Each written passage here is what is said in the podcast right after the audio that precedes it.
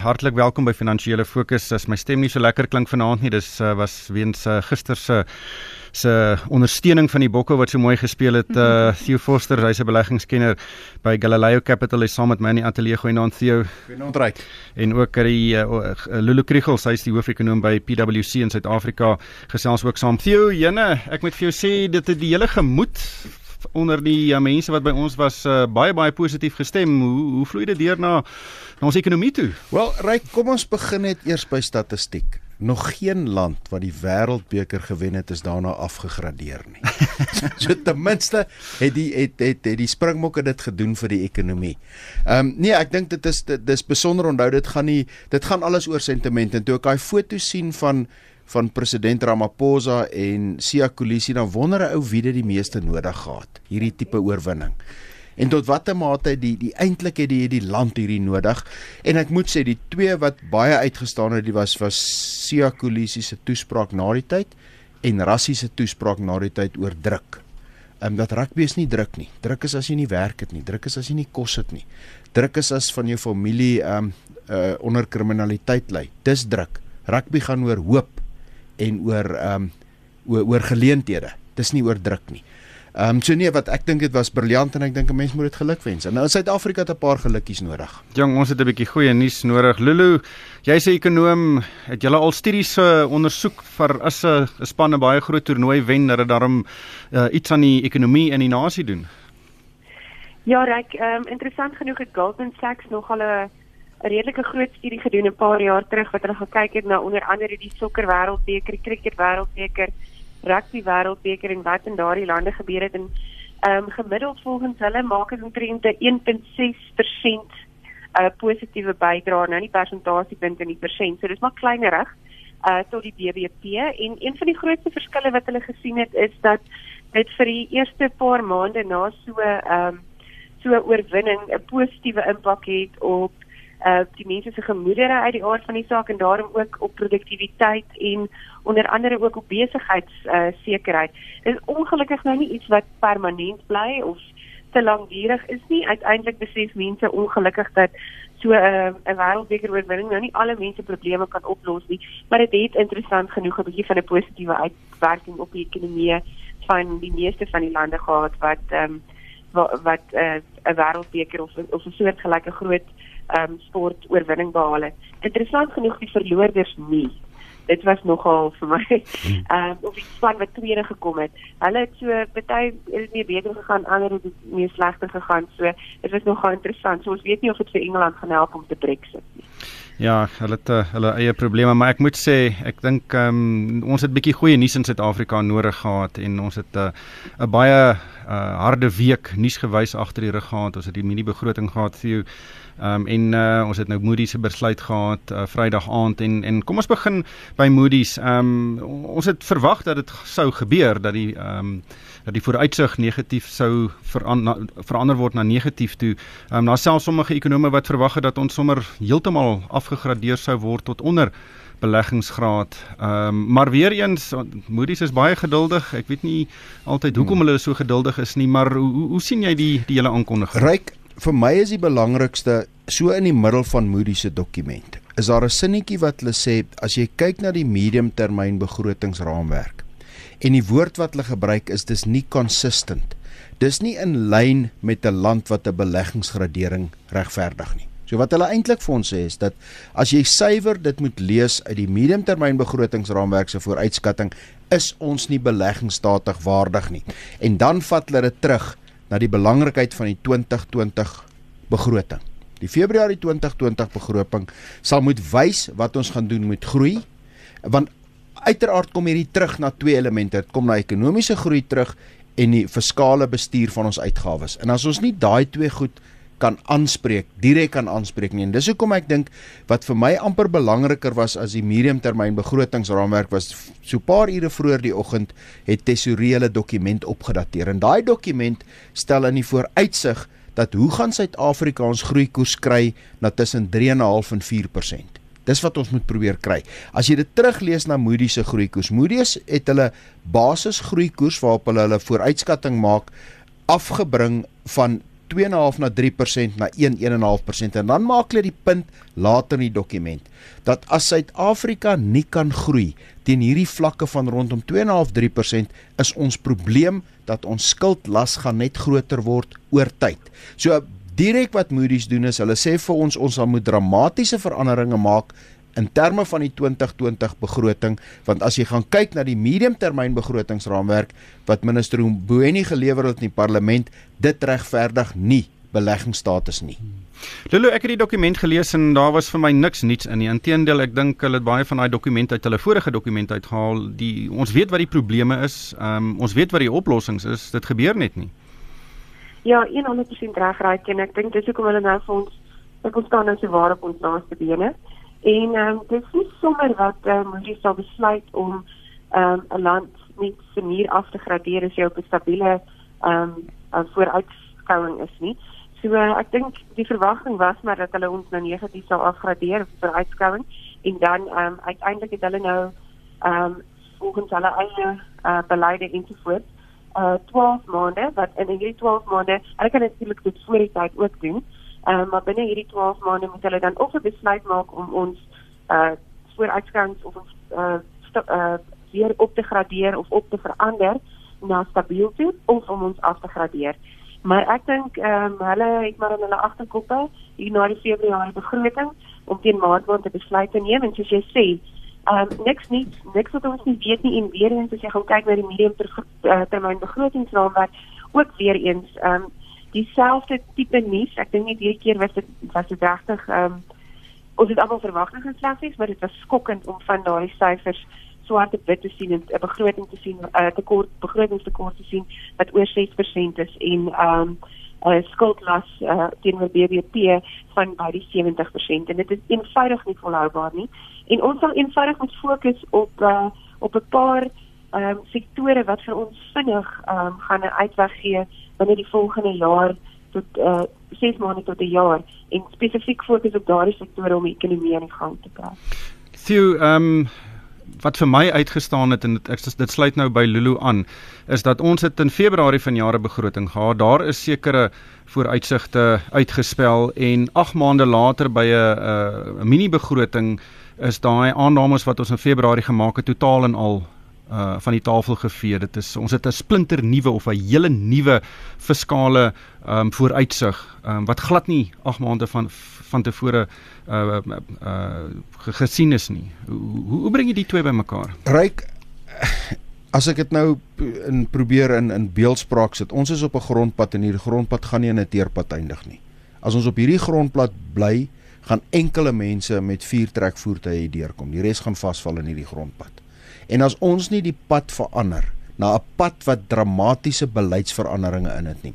En dit kom terug na wat Moody sê of ons die regte besluite kan deurvoer of ons die belangrike besluite gaan maak en dit kom terug na die minister van finansies. As jy gaan kyk na sy beleidsdokument van die tesourier in Augustus wat hy wat hy Woensdag verlede Woensdag opgedateer het, dis die tipe beleid wat ons 'n kans kan gee. Daai beleid regdeur praat van die privaat sektor 'n uh, investering wat moet geskied in 'n in 'n in 'n in 'n plek wat jou risiko opbrengs in lyn is, wat jou wisselvalligheid klein is, wat jou beleidsonsekerheid min is. Dit moet die die die die die woord public private partnerships kom in elke tweede sektor word dit omtrent genoem as deel van die oplossing. Nou daarvoor het jy politieke mag of politieke gravitas binne die parlement nodig eh, binne die kabinet nodig. En ons weet dat die Suid-Afrikaanse regerende party as dit kom by ekonomiese beleid sit uh, op twee verskillende stoele. Aan die een kant het het jy die ou Zuma era wat glo ons het 'n baie groot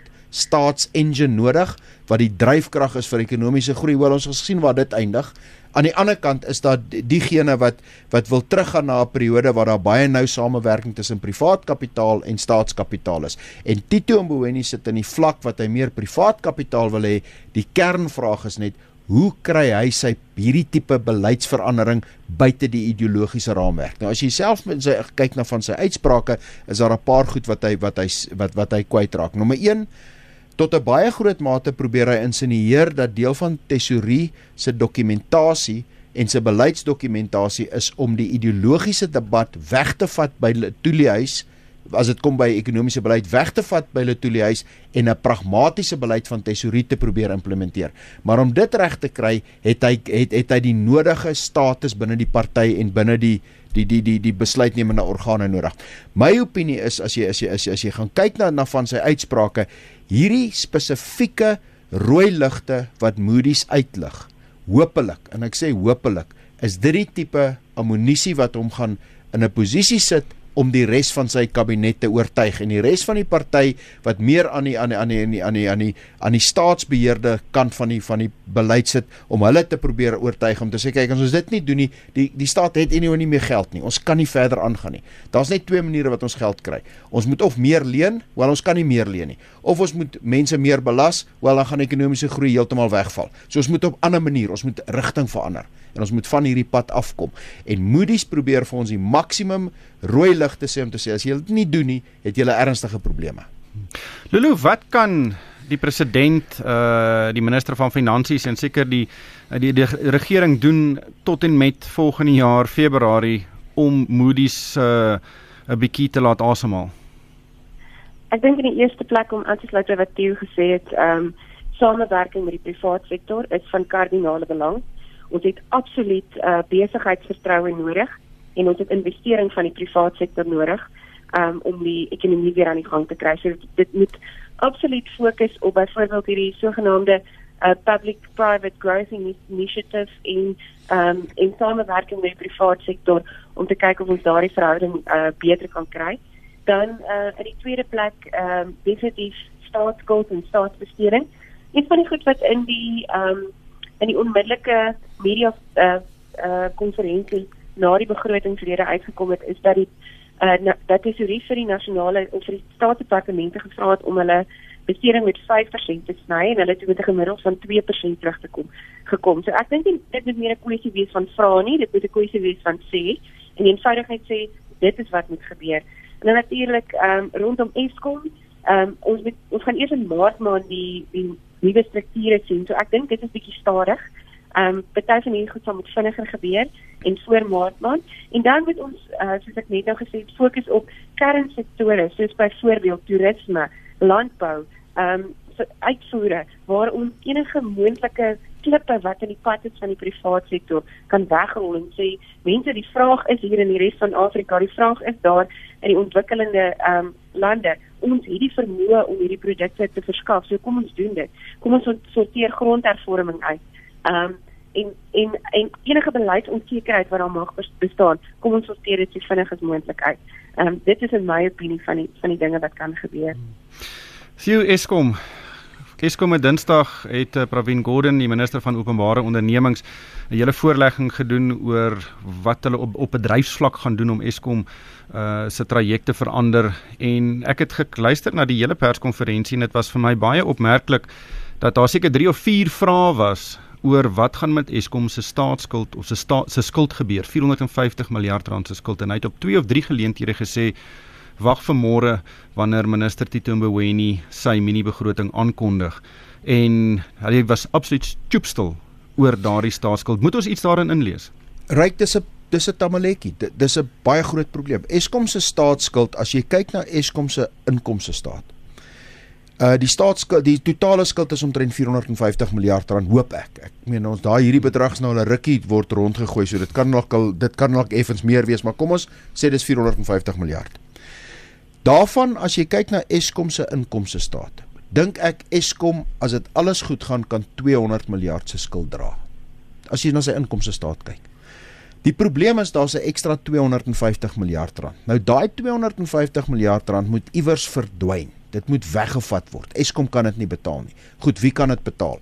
Jy kan die kragrekeninge opsit met 30%, maar ek neem aan dan gaan dan gaan die ekonomie platval. So dit gaan nie werk nie. Jy moet of dan moet jy dit of skuif na die belastingbetaler toe of na die pensioenfonds toe, maar jy moet dit iewers geskuif kry. Iemand moet daai risiko vat. Nou die staatspensioenfonds het iets soos 95 miljard rand se staatsskuld is is is se effekte. Ek weet nie of iets daarmee kan doen nie. Maar die probleem is 250 miljard rand se skuld wat op Eskom se belaatstaat is, moet anderster aangespreek word. Daar is nie 'n maklike oplossing vir dit nie, want iemand moet dit terugbetaal. As jy nou met 'n buitelandse belegger gesels, is daar net twee goed wat jy eintlik vra. Eskom en uh privaat eienaarskap van onder andere grond die die beginsel van hmm. privaat eienaarskap. As hulle praat van Eskom dan is dit 'n kwessie van ons sit met 'n klomp effekte, gaan julle ons rente betaal? Gaan julle aanhou betaal nommer 1, nommer 2 gaan die ligte aanbly. So dit is 'n ek dink wat jy daarin moet lees is hierdie is nie 'n een eenvoudige oplossing nie. Iemand moet 'n cheque skryf en is problematies wie gaan daai cheque skryf. Nou as jy gaan kyk na die oplossing wat wat wat wat wat, wat, wat minister Gordhan voorgestel het, die, die is bestaan basies uit twee elemente as om op te deel. Eerstens die verdeling van Eskom in drie entiteite. Nou ons weet in die middel die groothandel transmissie is is is 'n beduidende kwaliteit besigheid. Aan die ander kant nog altyd was opwekking in 'n posisie toe dit ou kragsentrale was, was daar 'n baas van die kragsentrale en hy's gemeet op die prestasie van sy kragsentrale. So hulle wil daai in drie um, in drie groeperinge insit en dan probeer bietjie meer kompeterendheid kry, maar tot tyd in die privaat kapitaal betrokke kry nie, sit jy met hierdie skuldlas wat Eskom eenvoudig nie op sy eie kan betaal nie. Lulu, wie dink jy gaan die cheque skryf? Ja, um, ek dink daar gaan maar onderhandel word onder andere um, met van die finansiële instellings om te kyk of ons van hierdie skuld kan oorrol. Ehm um, dit is blykbaar wat gebeur het as ons kyk in Suid-Afrika tot op hede en dit wat die meeste van hulle verwag is dat Eskom net meer bak kan gaan staan. Ehm um, maar hulle begin ook 'n bietjie geïrriteerd raak en sê maar ehm um, ons moet iets terugkry in die proses. Ehm um, so daar is daar is nog steeds in die buiteland baie vraag vir vir Suid-Afrikaanse ehm um, staatseffekte. Ons het gesien so so maand terug met die Eurobonds. Uh dat dit omtrent 2 en 'n half keer ehm um, oversubscribed, ekskuus vir die Engels. Oorvolskryf. Um, maar dankie. Ehm um, en uh die maar die punt is dit kom teen 'n prys en dit kom teen 'n geweldige hoë prys. So as ons net weer na die na die buiteland toe gaan om nog ekstra skuld te maak, ehm um, gaan ons net die die bal so 'n bietjie verder in die pad afskop en ons gaan nie die probleem oplos nie. Gegeewe ons kredietgradering en ons diepte van ons kapitaalmarkte, teen huidige rentekoerse is daar 'n vraag vir ons effekte. Dis net baie duur. Ehm um, en teen huidige aanslagte en teen die koers wat ons verdien, kry beleggers selfs 'n premie bo lande wat reeds in rommelstatus is. So ons gaan die geld geleen kan kry. Maar die, hoe meer jy geld leen, beteken nie ons los ons probleme op nie. As ons ekonomie nie groei teen hier rondom 3% nie, gaan hierdie skuld meer en meer en meer word en ons weet tog waar skuld eindig. So sommer wat lemoen te dra. Hoe langer jy hom dra, swaarder word hy. Hmm. Dis die probleem van skuld. Ja. Sien net laastens, ehm um, Sasol ja. het uh, hierdie week uiteindelik resultate aangekondig. Hulle het ook gesê hulle twee uitvoerende hoofde het bedank oor die gemors wat geplaasgevind het by hulle groot aanleg daar in Amerika, die Lake Charles aanleg. Wat maak jy daarvan? Ja, wel, Sasol, ons praat van Eskom se skuld van 450 miljard rand. Sasol se skuld is 245 miljard rand. So dit dit raak ook al 'n lekker groot bedrag. Sasol sukkel met 'n groot projek in Eskom ook. Wel, Sasol se projek is 55% duurder as wat hulle gedink het. Hulle het gedink as ek in 'n rand omskep, hy het begin hier by 120 miljard, hy's nou al amper by 200 miljard. Dis 55% duurder. So net soos Kusile en Madupe, die kern was van Eskom se probleem, wel Lake Charles is die kern van Sasol se probleem. Groot projekte het eh, is moeilik om te doen. Ja, hulle het twee uitvoerende hoofde bedank en hulle het meneer Fleetwood Grobler aangestel. Hy toevallig ook sommer dadelik die aanbieding gedoen aan beleggers. En ek dink die vraag wat hier gevra moet word is en hy het dit probeer aanspreek is wanneer is Lake Charles se bedrag nou tot 'n einde dat 'n mens 'n som op opbrengs kan begin maak en dis onseker. Want onder die markwaarde het meer as gehalveer waar Sasol se waarde as 'n maatskappy. Sasol was 'n jaar gelede 300 miljard rand maatskappy, is vandag 170 miljard rand maatskappy. Maar die aanleg is 99% voltooi. Wel, ek dink ja en die syfers begin nou na einde nou hopelik na einde se kant toe kom. Maar ek dink die vraag gaan wees wat is die opbrengs op daai op daai op daai daai aanleg.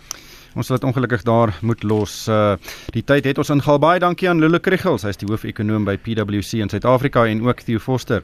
Hy's 'n beleggingskenner en ontleder by Galileo Capital. En van my, Ryk van die Kerk, dankie vir die saamluister en ek hoop almal het 'n winsgewende week.